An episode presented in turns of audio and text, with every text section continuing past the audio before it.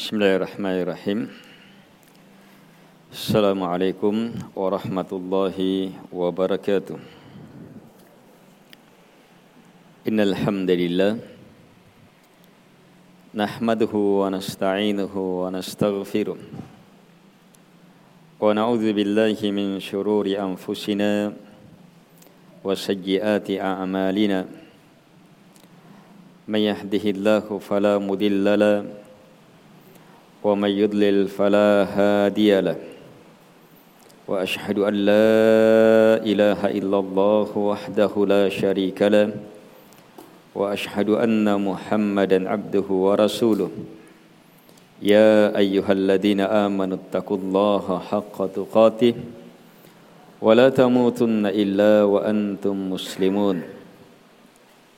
يا أيها الناس اتقوا ربكم الذي خلقكم من نفس واحدة وخلق منها زوجها وبث منهما رجالا كثيرا ونساء. واتقوا الله الذي تساءلون به والأرحام. إن الله كان عليكم رقيبا. يا أيها الذين آمنوا اتقوا الله وقولوا قولا سديدا. يصلح لكم أعمالكم ويغفر لكم ذنوبكم ومن يطع الله ورسوله فقد فاز فوزا عظيما. أما بعد فإن أصدق الحديث كتاب الله وخير الهدي هدي محمد صلى الله عليه وعلى آله وسلم وشر الأمور محدثاتها وكل محدثة بدعة وكل بدعة ضلالة وكل ضلالة في النار kaum muslimin dan muslimat al-ikhwah wal akhawat rahimakumullah Kembali kita berada dalam majlis ilmu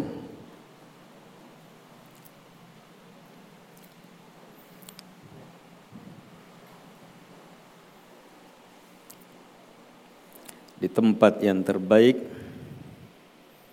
di rumah Allah Subhanahu wa taala untuk mempelajari firman Allah Subhanahu wa taala sabda Nabi alaihi salatu wassalam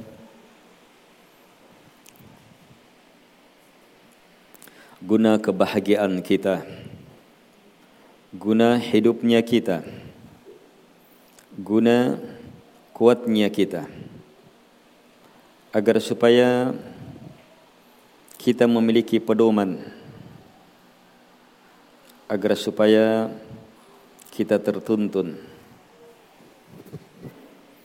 Karena itu setiap menghadiri majelis ilmu kokohkan niat ini. Saya belajar saya cari ilmu itu, saya harus dapatkan ilmu itu, saya harus pahami ilmu itu, saya harus yakini ilmu itu, sebab itu adalah hidup saya. Di situ adalah kekuatan saya. Di situ adalah kebahagiaan saya. Itu adalah jaminan keamanan bagi saya. Itu adalah pedoman hidup saya. Itu adalah rahmat Allah Subhanahu wa taala untuk saya dan beragam kebaikan dan kemuliaan ilmu. Semakin kuat kita dalam niat-niat itu, maka akan semakin besar kebaikan yang Allah beri kepada kita melalui ilmu itu. Yang puncaknya adalah dimudahkannya jalan menuju surga. Masuk ke dalam surga melihat wajah Allah Subhanahu wa taala. Man salaka tariqa yaltamis fihi ilma sahhalallahu lahu bihi tariqan ilal jannah. Siapa yang menempuh sebuah jalan, perhatikan hadisnya. Siapa yang keluar menempuh sebuah jalan Man salaka tariqan. Ini syaratnya. Salaka tariqan. Salaka dia tempuh. Tariqan jalan. Artinya dia keluar. Ada upaya dia untuk apa? Untuk melangkah, untuk menuju ke sebuah tempat, untuk keluar. Terus lihat niatnya yaltamisu fihi ilma. Tadi salah tariqan tindakannya. Apa yang dia lakukan? Keluar, diambil motornya, diambil mobilnya, iya, diambil kendaraannya, atau dia sewa kendaraan, atau dia berjalan kaki. Itu salah tariqan. Siapa pun yang keluar melakukan upaya ini, terus niatnya yaltamisu fihi ilman yaltamisu dia mencari dia menuntut fihi pada jalannya itu ilman ilmu ini niat dan kondisinya saat dia keluar memang keinginannya mencari ilmu Memang maksudnya mau dapat ilmu. Memang tujuannya me meraih ilmu. Ini syarat. Terdiri dari dua hal syaratnya. Man salaka man salaka tariqan yaltamisu fihi ilma. Ini syaratnya. Terdiri dari dua hal. Tindakan serta keadaan dan niat dia, kondisi dan bagaimana suasana hati dia dan maksud dia saat keluar itu. Kalau terpenuhi syarat ini, terpenuhi syarat ini, maka lihat jawabannya. Sahhalallahu lahu bihi tariqan ilal jannah. Ini jawaban syarat. Bentuk syarat dan jawaban itu apa? Bentuk yang memastikan. Kapan ada syarat, pasti ada jawab, jawaban. Apalagi kalau orang yang sangat jujur yang mengucapkannya. Nabi alaihi salatu wassalam. Dan ucapan Nabi itu wah, wahyu. Berarti pas, pasti. Semakin pasti jawaban ini. Apa jawabannya? Sahhalallahu Allah akan mudahkan lahu baginya. Allah akan mudahkan untuknya. Bihi, perhatikan, bihi dengan ilmu itu.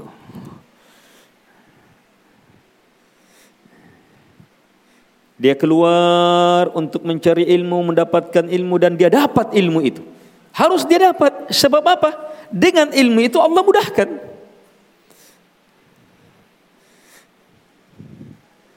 Allah akan mudahkan baginya bihi dengan ilmu itu. Jadi ada ilmu yang dia dapatkan, ada ilmu yang dia pahami, ada ilmu yang dia yakini, ada ilmu yang menjadi pegangan hidupnya. Maka pasti Allah mudahkan dia dengan ilmu itu apa? Tariqan jalan ilal jannah ke surga.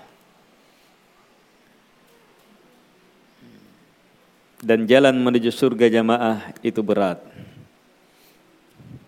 Lihat bagaimana ketika surga dicipta, ketika surga dicipta, Jibril disuruh lihat gimana.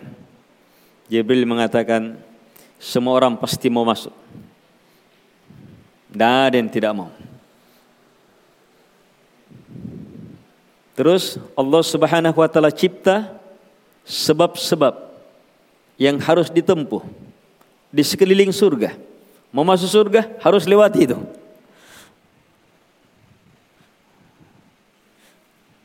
Kemudian Jibril disuruh lihat. Gimana? Jibril berkomentar yang maknanya siapa yang bisa masuk?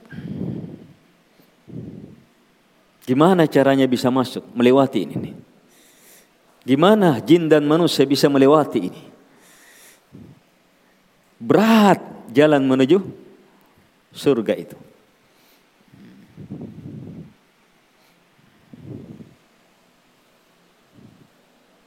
Kenapa? Sebab sekeliling surga itu adalah al-makarih. Huffatil jannah bil makarih. Surga huffat diselimuti dikelilingi oleh al-makarih hal-hal yang kita tidak sukai. Berarti jalan menuju surga itu jalan yang di dalamnya kita harus apa? Hadapi betul syahwat. Hadapi betul egonya kita. Hadapi betul eh perkara yang kita tidak sukai.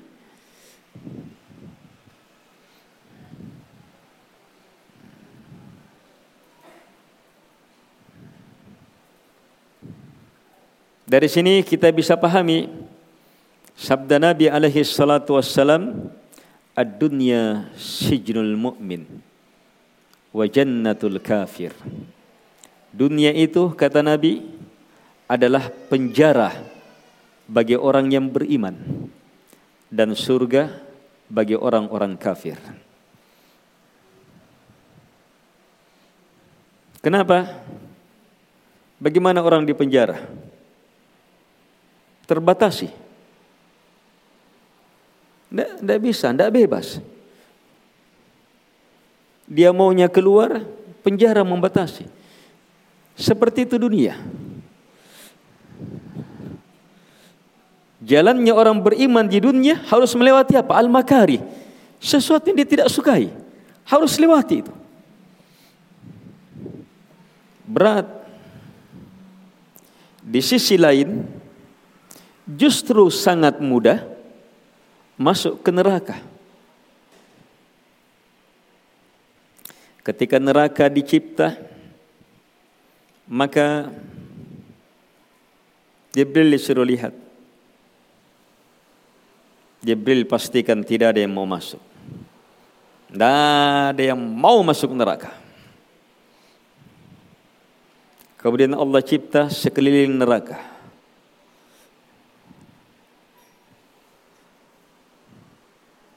Yang merupakan jalan-jalan menuju neraka. Maka komentar Jibril, siapa yang bisa selamat dari neraka? Sepertinya orang mau semua ini masuk neraka ini. Karena enaknya daya tarik sekeliling neraka itu. Apa sekeliling neraka? Huffatin nar bisyahawat neraka dikelilingi oleh syahwat. Syahwat ada dalam diri. Ayo, ada yang tidak punya syahwat? Ah. Ada yang tidak punya syahwat? Hah? Orang gila saja punya syahwat. Tetapi semakin gila semakin hebat syahwatnya. Iya, orang-orang yang sadar akalnya, otaknya, tapi memperturutkan syahwat. Ah, itu lebih gila dari orang gila dalam memperturutkan syahwat. Sebab orang gila hanya makan iya, sampah-sampah. Dan itu tidak ada haknya orang di situ.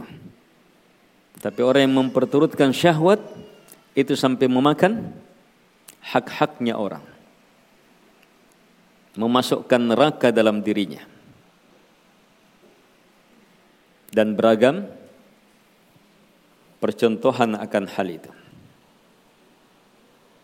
Syahwat terhadap makanan, terhadap minuman, terhadap kedudukan, terhadap keindahan, terhadap kemewahan, terhadap wanita, terhadap segala sesuatu yang wah, wah dan seterusnya yang enak-enak. Kita itu, oi, mau makan? Eh, cari makan apa? Pasti yang enak. Mau minum? Yang enak. Mau tidur? Yang enak. Itu syahwat. Sementara neraka itu apa? Justru apa? Dikelilingi oleh syahwat.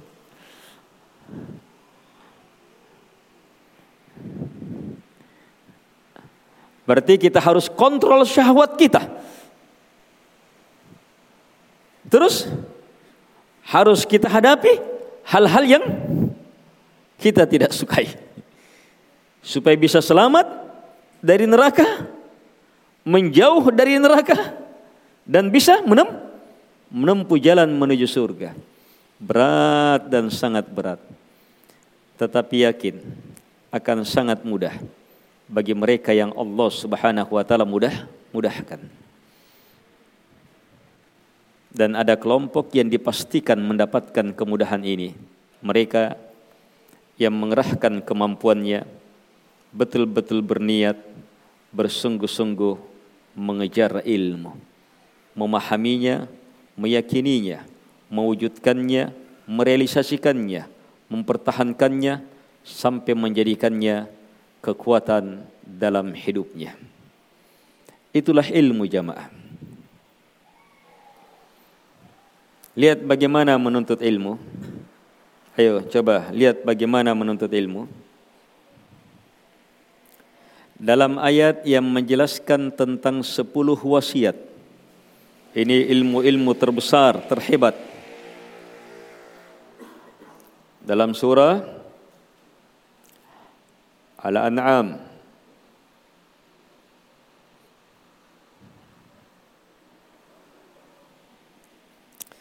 Tiga ayat berurutan menjelaskan sepuluh wasiat.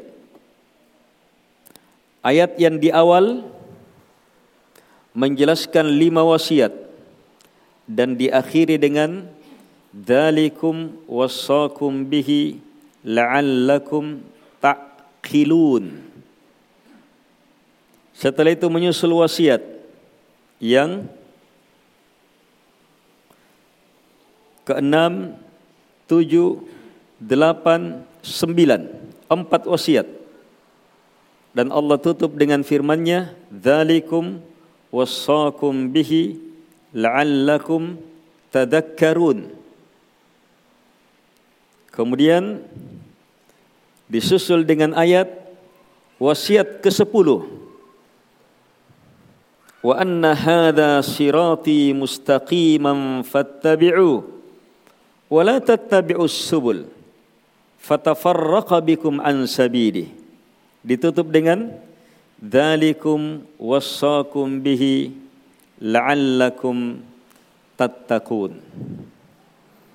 perhatikan ilmu-ilmu terbesar di sini yang tidak akan pernah terganti dan terus menerus Paten ini ilmu.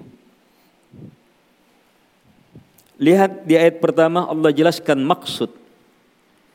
Dalikum itu adalah wasakum bihi yang Allah wasiatkan kepada kalian. Apa tujuannya? La'allakum supaya kalian apa? Tak kilun. Tak kilun. Tak kilun akal. Kalian akali bukan akal-akalan. Kalian akali. Akal dalam bahasa Arab, akal dalam bahasa Arab simpul.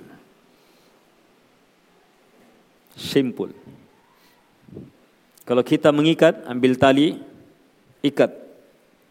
Ya. Yeah. Terjadi apa? Sim? Simpul ya. Yeah. Ini akal. Punya kendaraan, ikat supaya tidak lari. Itu akal.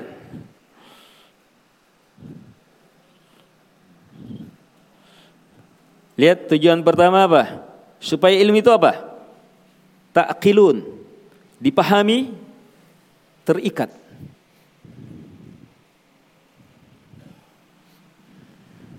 Ini proses pertama. Kalau terikat berarti apa tidak ke mana-mana.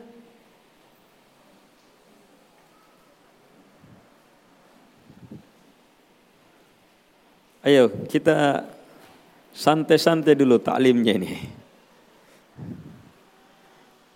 Ilmu-ilmu yang berhubungan dengan akhwat ummahat wanita. Ilmu-ilmu yang berhubungan dengan ikhwah bapak-bapak lelaki. Kaum muslimin ilmu-ilmu semua ilmu Iya.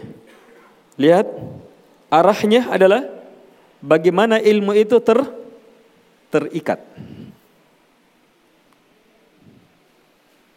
Bukan hanya te, terekam, tertulis. Tapi bagaimana itu ilmu terikat. La'allakum ta'qilun. Ilmunya terakal. Gimana caranya? Ah, supaya ilmu terikat.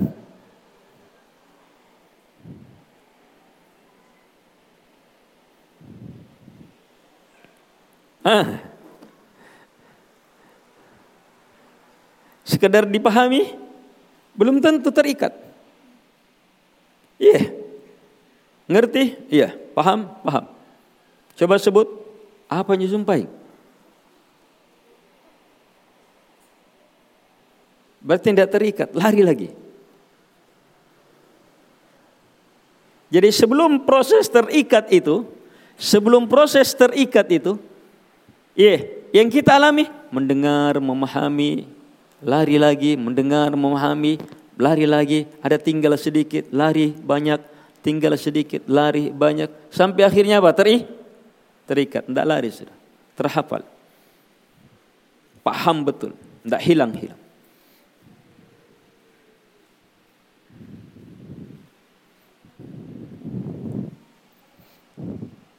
Ayo. Ilmu apa yang sudah terikat? Akhwat ummahat dari sekian pertemuan, apa yang sudah terikat?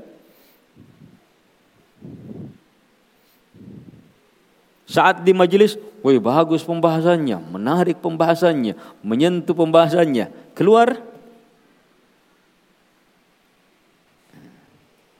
lewat sehari Apalagi kalau sudah lewat tujuh hari. Eh. Kalau empat belas hari, dua pekan. Lewat satu hari sudah. Sebab banyak sekali perkara-perkara yang apa? Memalingkan dari il, ilmu. Banyak sekali perkara-perkara yang memalingkan dari ilmu.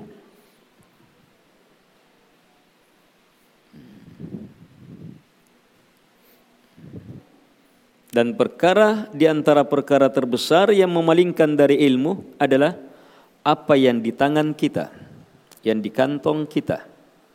Eh, HP-HP kita. Ini memalingkan dari ilmu. Mulai dari kesibukan yang mubah lewat batas mubahnya. Apalagi yang makruh, masuk kepada dosa kecil, hal-hal yang diharamkan, masuk ke dalam apa? beragam pemikiran-pemikiran yang mengerikan.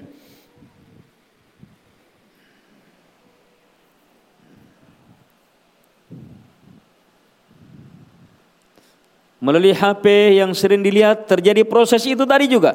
Terjadi proses takhilun juga. Takhilun apa? Takhilun lawannya ilmu.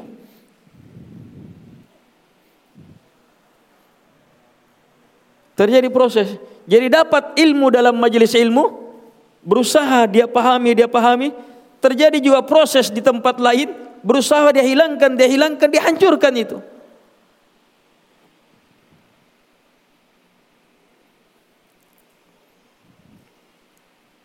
Belum lagi pergaulan. Iya, teman-teman jelek. Lingkungan-lingkungan jelek. Semuanya apa?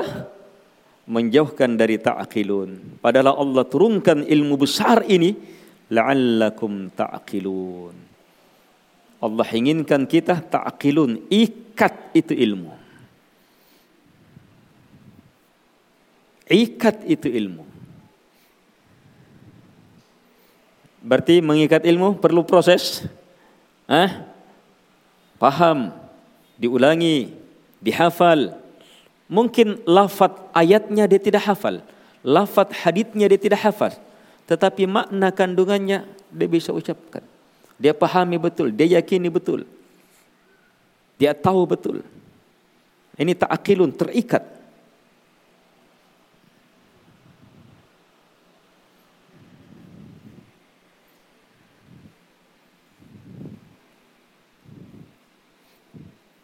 Dan di antara upaya besar supaya ilmu itu ta'akilun adalah menanamkan ilmu saat kecil. Ini tanggung jawab kedua orang tua. Menanamkan ilmu masa kecil. Itu prosesnya oh, luar biasa, kuat sekali itu. Para ulama mengibaratkannya seperti apa? Itu seperti mengukir ilmu pada batu. Diukir itu ilmu pada batu. Ukiran dengan batu itu apa? Tidak bisa hilang. Kuatnya itu. Kalau ilmu ditanamkan di masa kecil.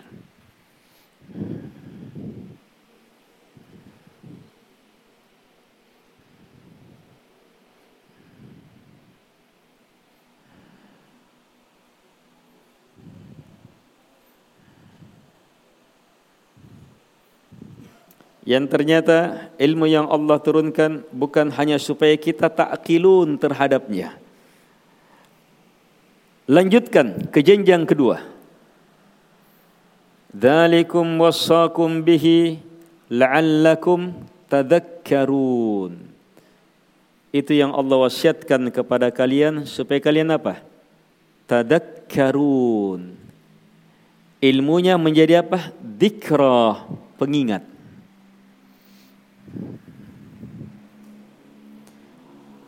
Ilmunya menjadi pengingat.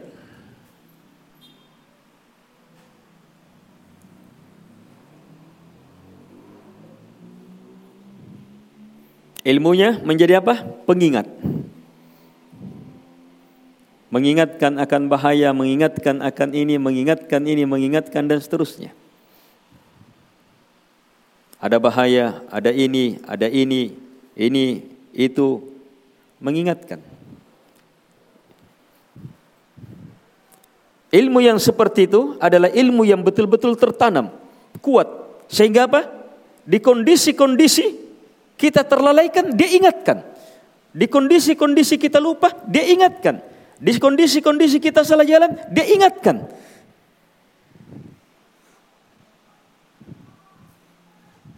Eh, ilmunya punya alarm. Eh, tidur dia, eh bunyi alarmnya. Tersadar. Ini apa? Pengingat. Ilmu mengingatkan. Eh sudah masuk waktu. Diingatkan. Eh saatnya bangun tersadar ini diinginkan dari ilmu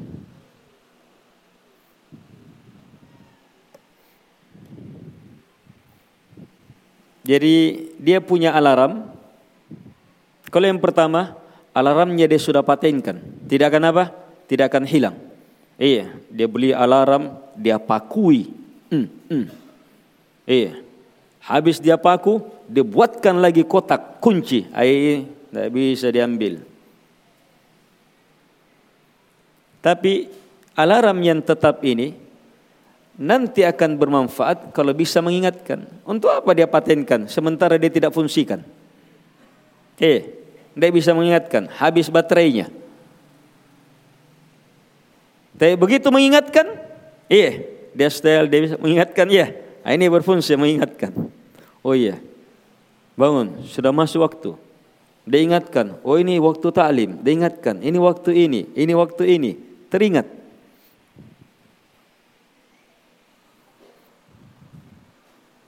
Ini ilmu menjadi pengingat sudah.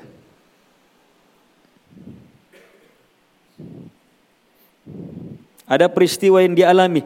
Oh iya, ini pernah dibahas ini. Oh begini anunya. Ada peristiwa. Oh ini. Oh ada, oh ayat ini saya ini. Oh hadit ini menjelaskan kondisi saya ini. Mengingatkan. Ilmunya menjadi tadakarun, pengingat dia.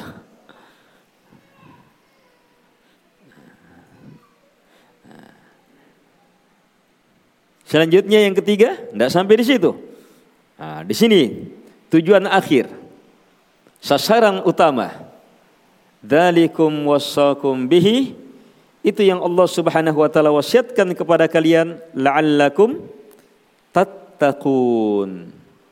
Itu yang Allah wasiatkan kepada kalian supaya kalian bertakwa. Ilmunya sudah jadi apa? Jadi takwa. Apa itu takwa? Penyelamat. Iya.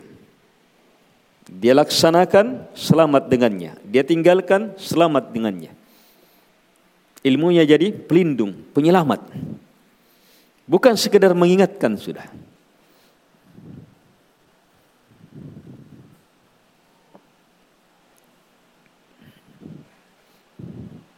Ada orang diingatkan dengan alarmnya, teringat, sudah masuk waktu. Tapi ternyata alarm ini tidak berfungsi menyelamatkan dia. Sebab apa? Setelah teringat, oh masih ada lima menit, tidur dulu lagi ya. Iya, tidur dulu sudah. Lebih lama tidurnya. Akhirnya terbit matahari baru bangun. Saya begitu teringat, oh iya, cepat. Ah. Pengingat jadi apa? Jadi kekuatan tak takwa.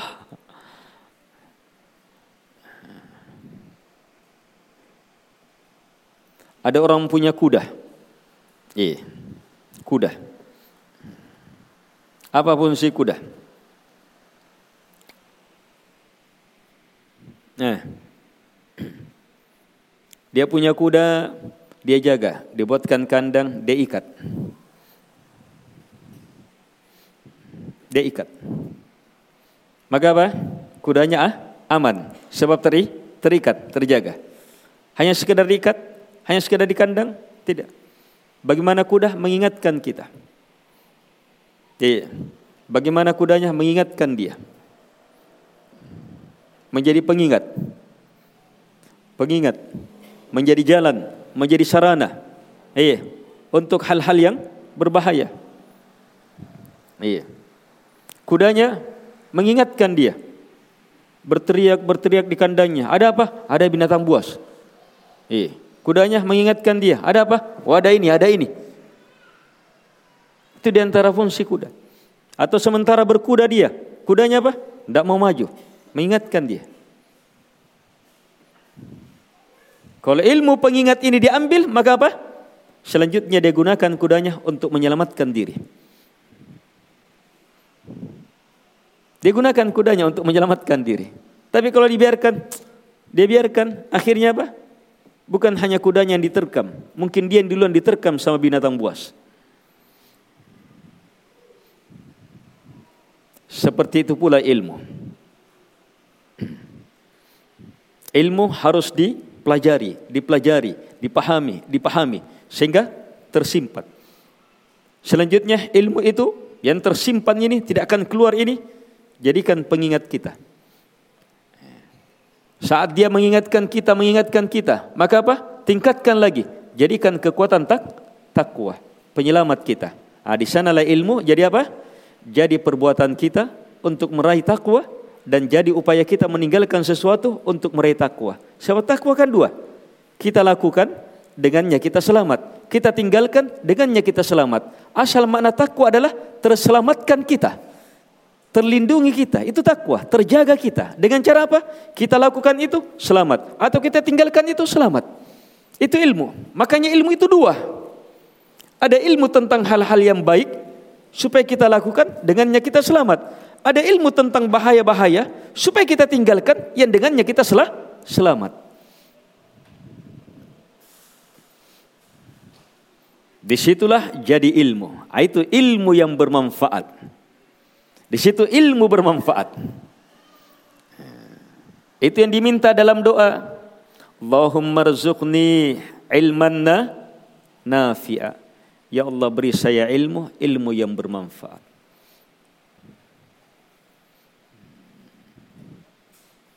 Itu ilmu yang bermanfaat.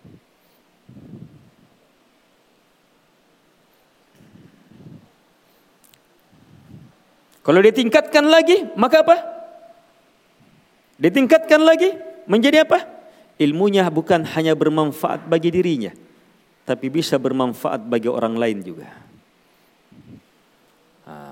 Ilmu yang seperti inilah yang idza mata ibnu adam inqata'a amaluhu illa min talat.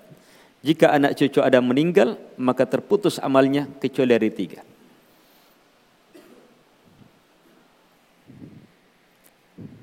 Ada sedekah yang terus mengalir. Ada anak soleh yang mendoakan. Dan ada apa?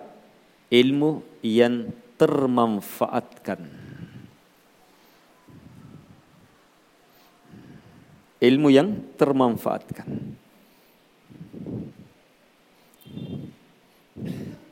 Itu tujuan belajar.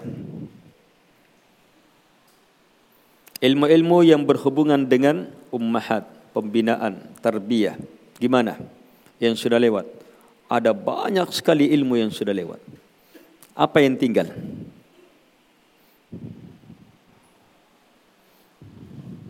Apa yang tinggal?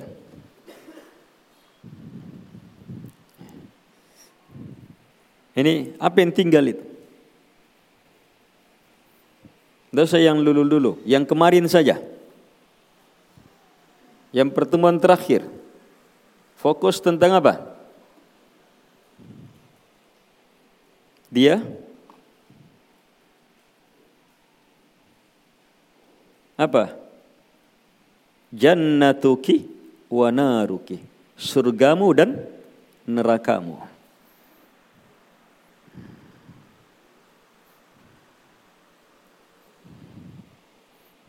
Seorang wanita harus apa? Fikirannya adalah bagaimana dia bersikap di hadapan suaminya. Dan bagaimana suaminya memandang dia dengan pandangan yang baik. Apa alasannya? Sebab dia adalah surga saya, neraka saya. Dia jalan saya menuju surga, jalan saya masuk neraka juga. Ini ilmu harus terus diingat. Diingat, diingat, diingat, diingat, tidak bisa lepas. Terima ini ilmu. Terus ingat, terima ilmu, terus ingat. Kalau ini kuat, maka apa? Di kondisi-kondisi tertentu ada hal-hal terjadi pada suami, teringat, wih. Dia di rumah, dia lihat suaminya, teringat ini ilmu. Nah, ini ilmu mulai memberi hasil. Tapi puncaknya adalah ilmu itu melahirkan tindakan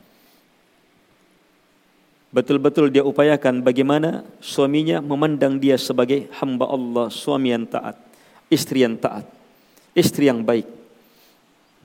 Dan bagaimana dia terus karena Allah, iya, bisa membuat suaminya ridho.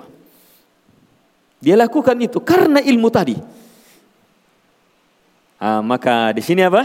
Ilmunya sudah jadi apa? Takwa penyelah, penyelamat.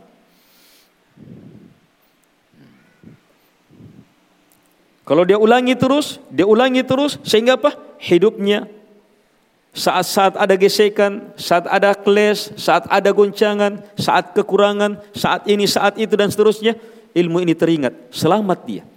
Goncangan itu akan diloba.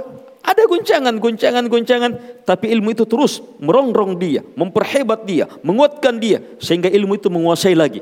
Selamat lagi dia. Kembali lagi ke jalannya. Terus seperti itu. Dan Allah karena maha adilnya, iya, Allah karena maha baiknya akan terus menerus menguji kita. Dengan beragam peristiwa sehubungan dengan ilmu itu. Supaya apa? Kita semakin baik, kita semakin kuat, kita semakin kokoh. Yang dengannya apa? Ilmu itu semakin terkumpul di dalam dada, semakin hebat. Bukan hanya sekedar terikat, tapi dia berkembang, berkembang, semakin luas, semakin hebat, membersihkan.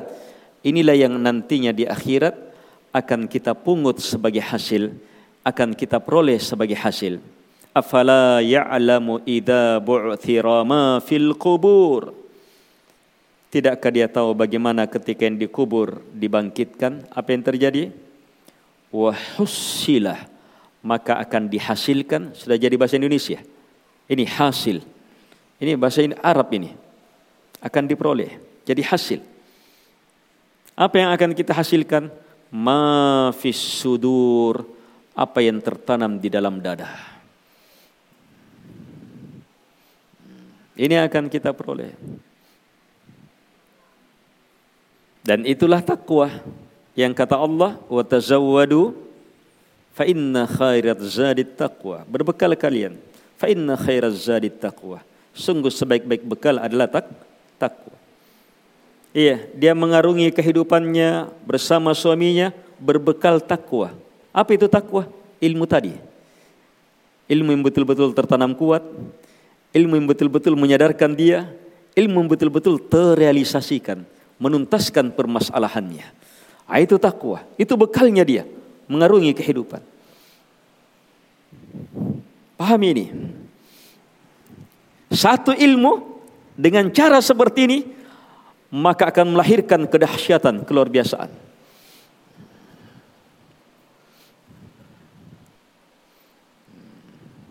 Jadi kalau orang punya ilmu ini, eh, bukan cara berfikirnya seperti orang baru belajar. Orang baru belajar cara berpikir bagaimana banyak yang didengar, bagaimana banyak yang ini, bagaimana banyak iya. Tapi cara berpikirnya sekarang adalah bagaimana ilmunya bisa terikat, menjadi pengingat, menjadi bermanfaat, menjadi kekuatan takwa.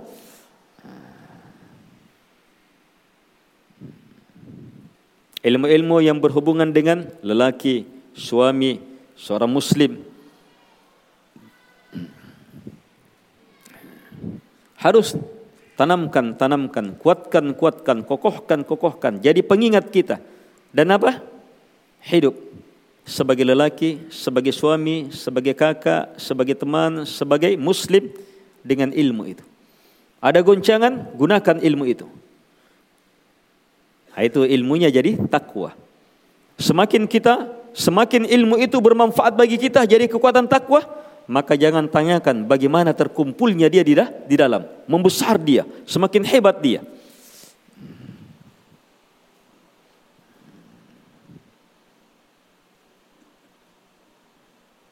Inilah yang terus kita lakukan. Majelis ilmu, majelis ilmu seperti ini keadaannya mengingatkan kita terus, mengingatkan kita terus, menuntun kita terus, memahamkan kita terus. Eh, tapi ilmu yang sebenarnya adalah saat di luar. Kita tetap ingat, ah, itu ilmu sebenarnya. Dia jadi pengingat kita, di situ ilmu sebenarnya. Dia jadi kekuatan takwa kita, penyelamat kita, di situ ilmu yang sebenarnya. Majelis ilmu, pintu, kekuatan, pendorong, sebab tapi ilmu yang sebenarnya adalah apa yang ta'qilun. Kita ta'qilun terhadapnya. Kita mampu ikat di dalam hati. Ilmu yang mampu mengingatkan kita, menyadarkan kita. Ilmu yang mampu apa? Menjadi kekuatan takwa, membuat kita melakukan sesuatu yang dengannya kita selamat, membuat kita meninggalkan sesuatu yang dengannya kita selamat. Itu ilmu takwa. Terus sampaikan sehingga seorang istri terdidik di atas itu Masya Allah punya anak Punya anak seorang wanita Maka anak ini akan dididik Eh, dididik di atas ilmu besar yang dia alami bahagia hidupnya. Eh, dengan ilmu itu. Dia didik anaknya. Atau dia sampaikan ke orang lain disampaikan kepada saudari-saudarinya, disampaikan kepada sahabat-sahabatnya ilmu ini. Dia saling ingatkan muslimah yang lainnya akan ilmu ini. Luar biasa. Jadi pengingat. Sehingga walaupun telah wafat, maka apa? Ada ilmu yang terus mengalir.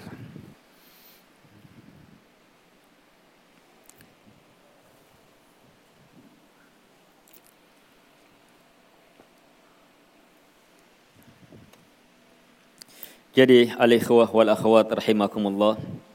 Iya. Semoga Allah Subhanahu wa taala senantiasa menuntun kita di atas kebaikan keluar biasaan ilmu ini. Iya. Sedikit ilmu tetapi kita tahu bagaimana mengarahkannya, bagaimana menjaganya, bagaimana menumbuhkannya, bagaimana mengembangkannya, bagaimana memaksimalkan hasilnya. Dan tiga upaya ini puncaknya adalah harus diiringi dengan doa minta kepada Allah Subhanahu wa taala. Eh, Allahumma rzuqni ilman nafi'a wa amalan mutaqabbala minta. Allahumma ya muqallibal qulub tsabbit qalbi ala dinik kokohkan hatiku di atas agamamu. Apa artinya? Supaya ilmu itu terikat di dalam hati menjadi pengingat menjadi takwa itu dilingkup semuanya oleh kalimat ini. Kokohkan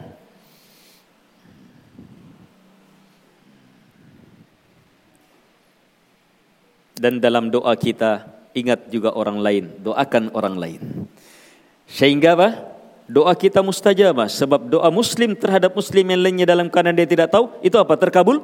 Terkabulkan. Dan kita dapat apa? Kita dapat yang semisalnya. Sehingga itu jadi sebab apa? Jadi sebab ilmu semakin bertambah.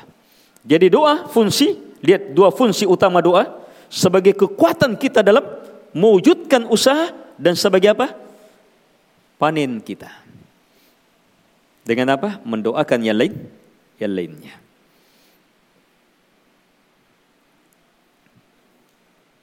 Baik, cukup dulu. Pertemuan selanjutnya insyaallah taala kita akan membahas iya. Ilmu yang sangat mendasar yang mendasari semua pendidikan mendasari semua pendidikan Nabi dan Rasul. Ilmu yang diabadikan dalam Al-Quran, dalam wasiat Luqman Al-Hakim kepada anaknya.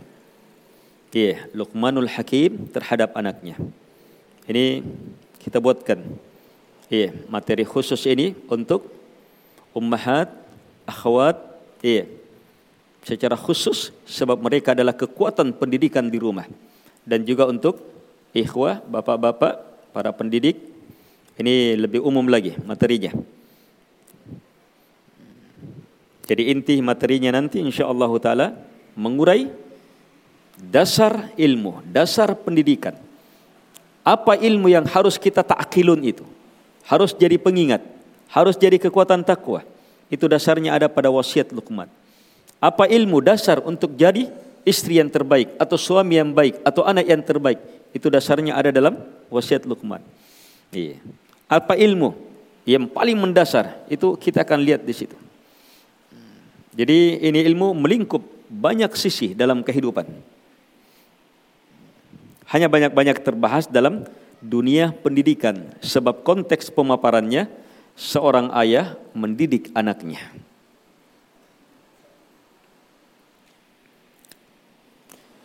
Sekian hamdik. Assalamualaikum warahmatullahi wabarakatuh.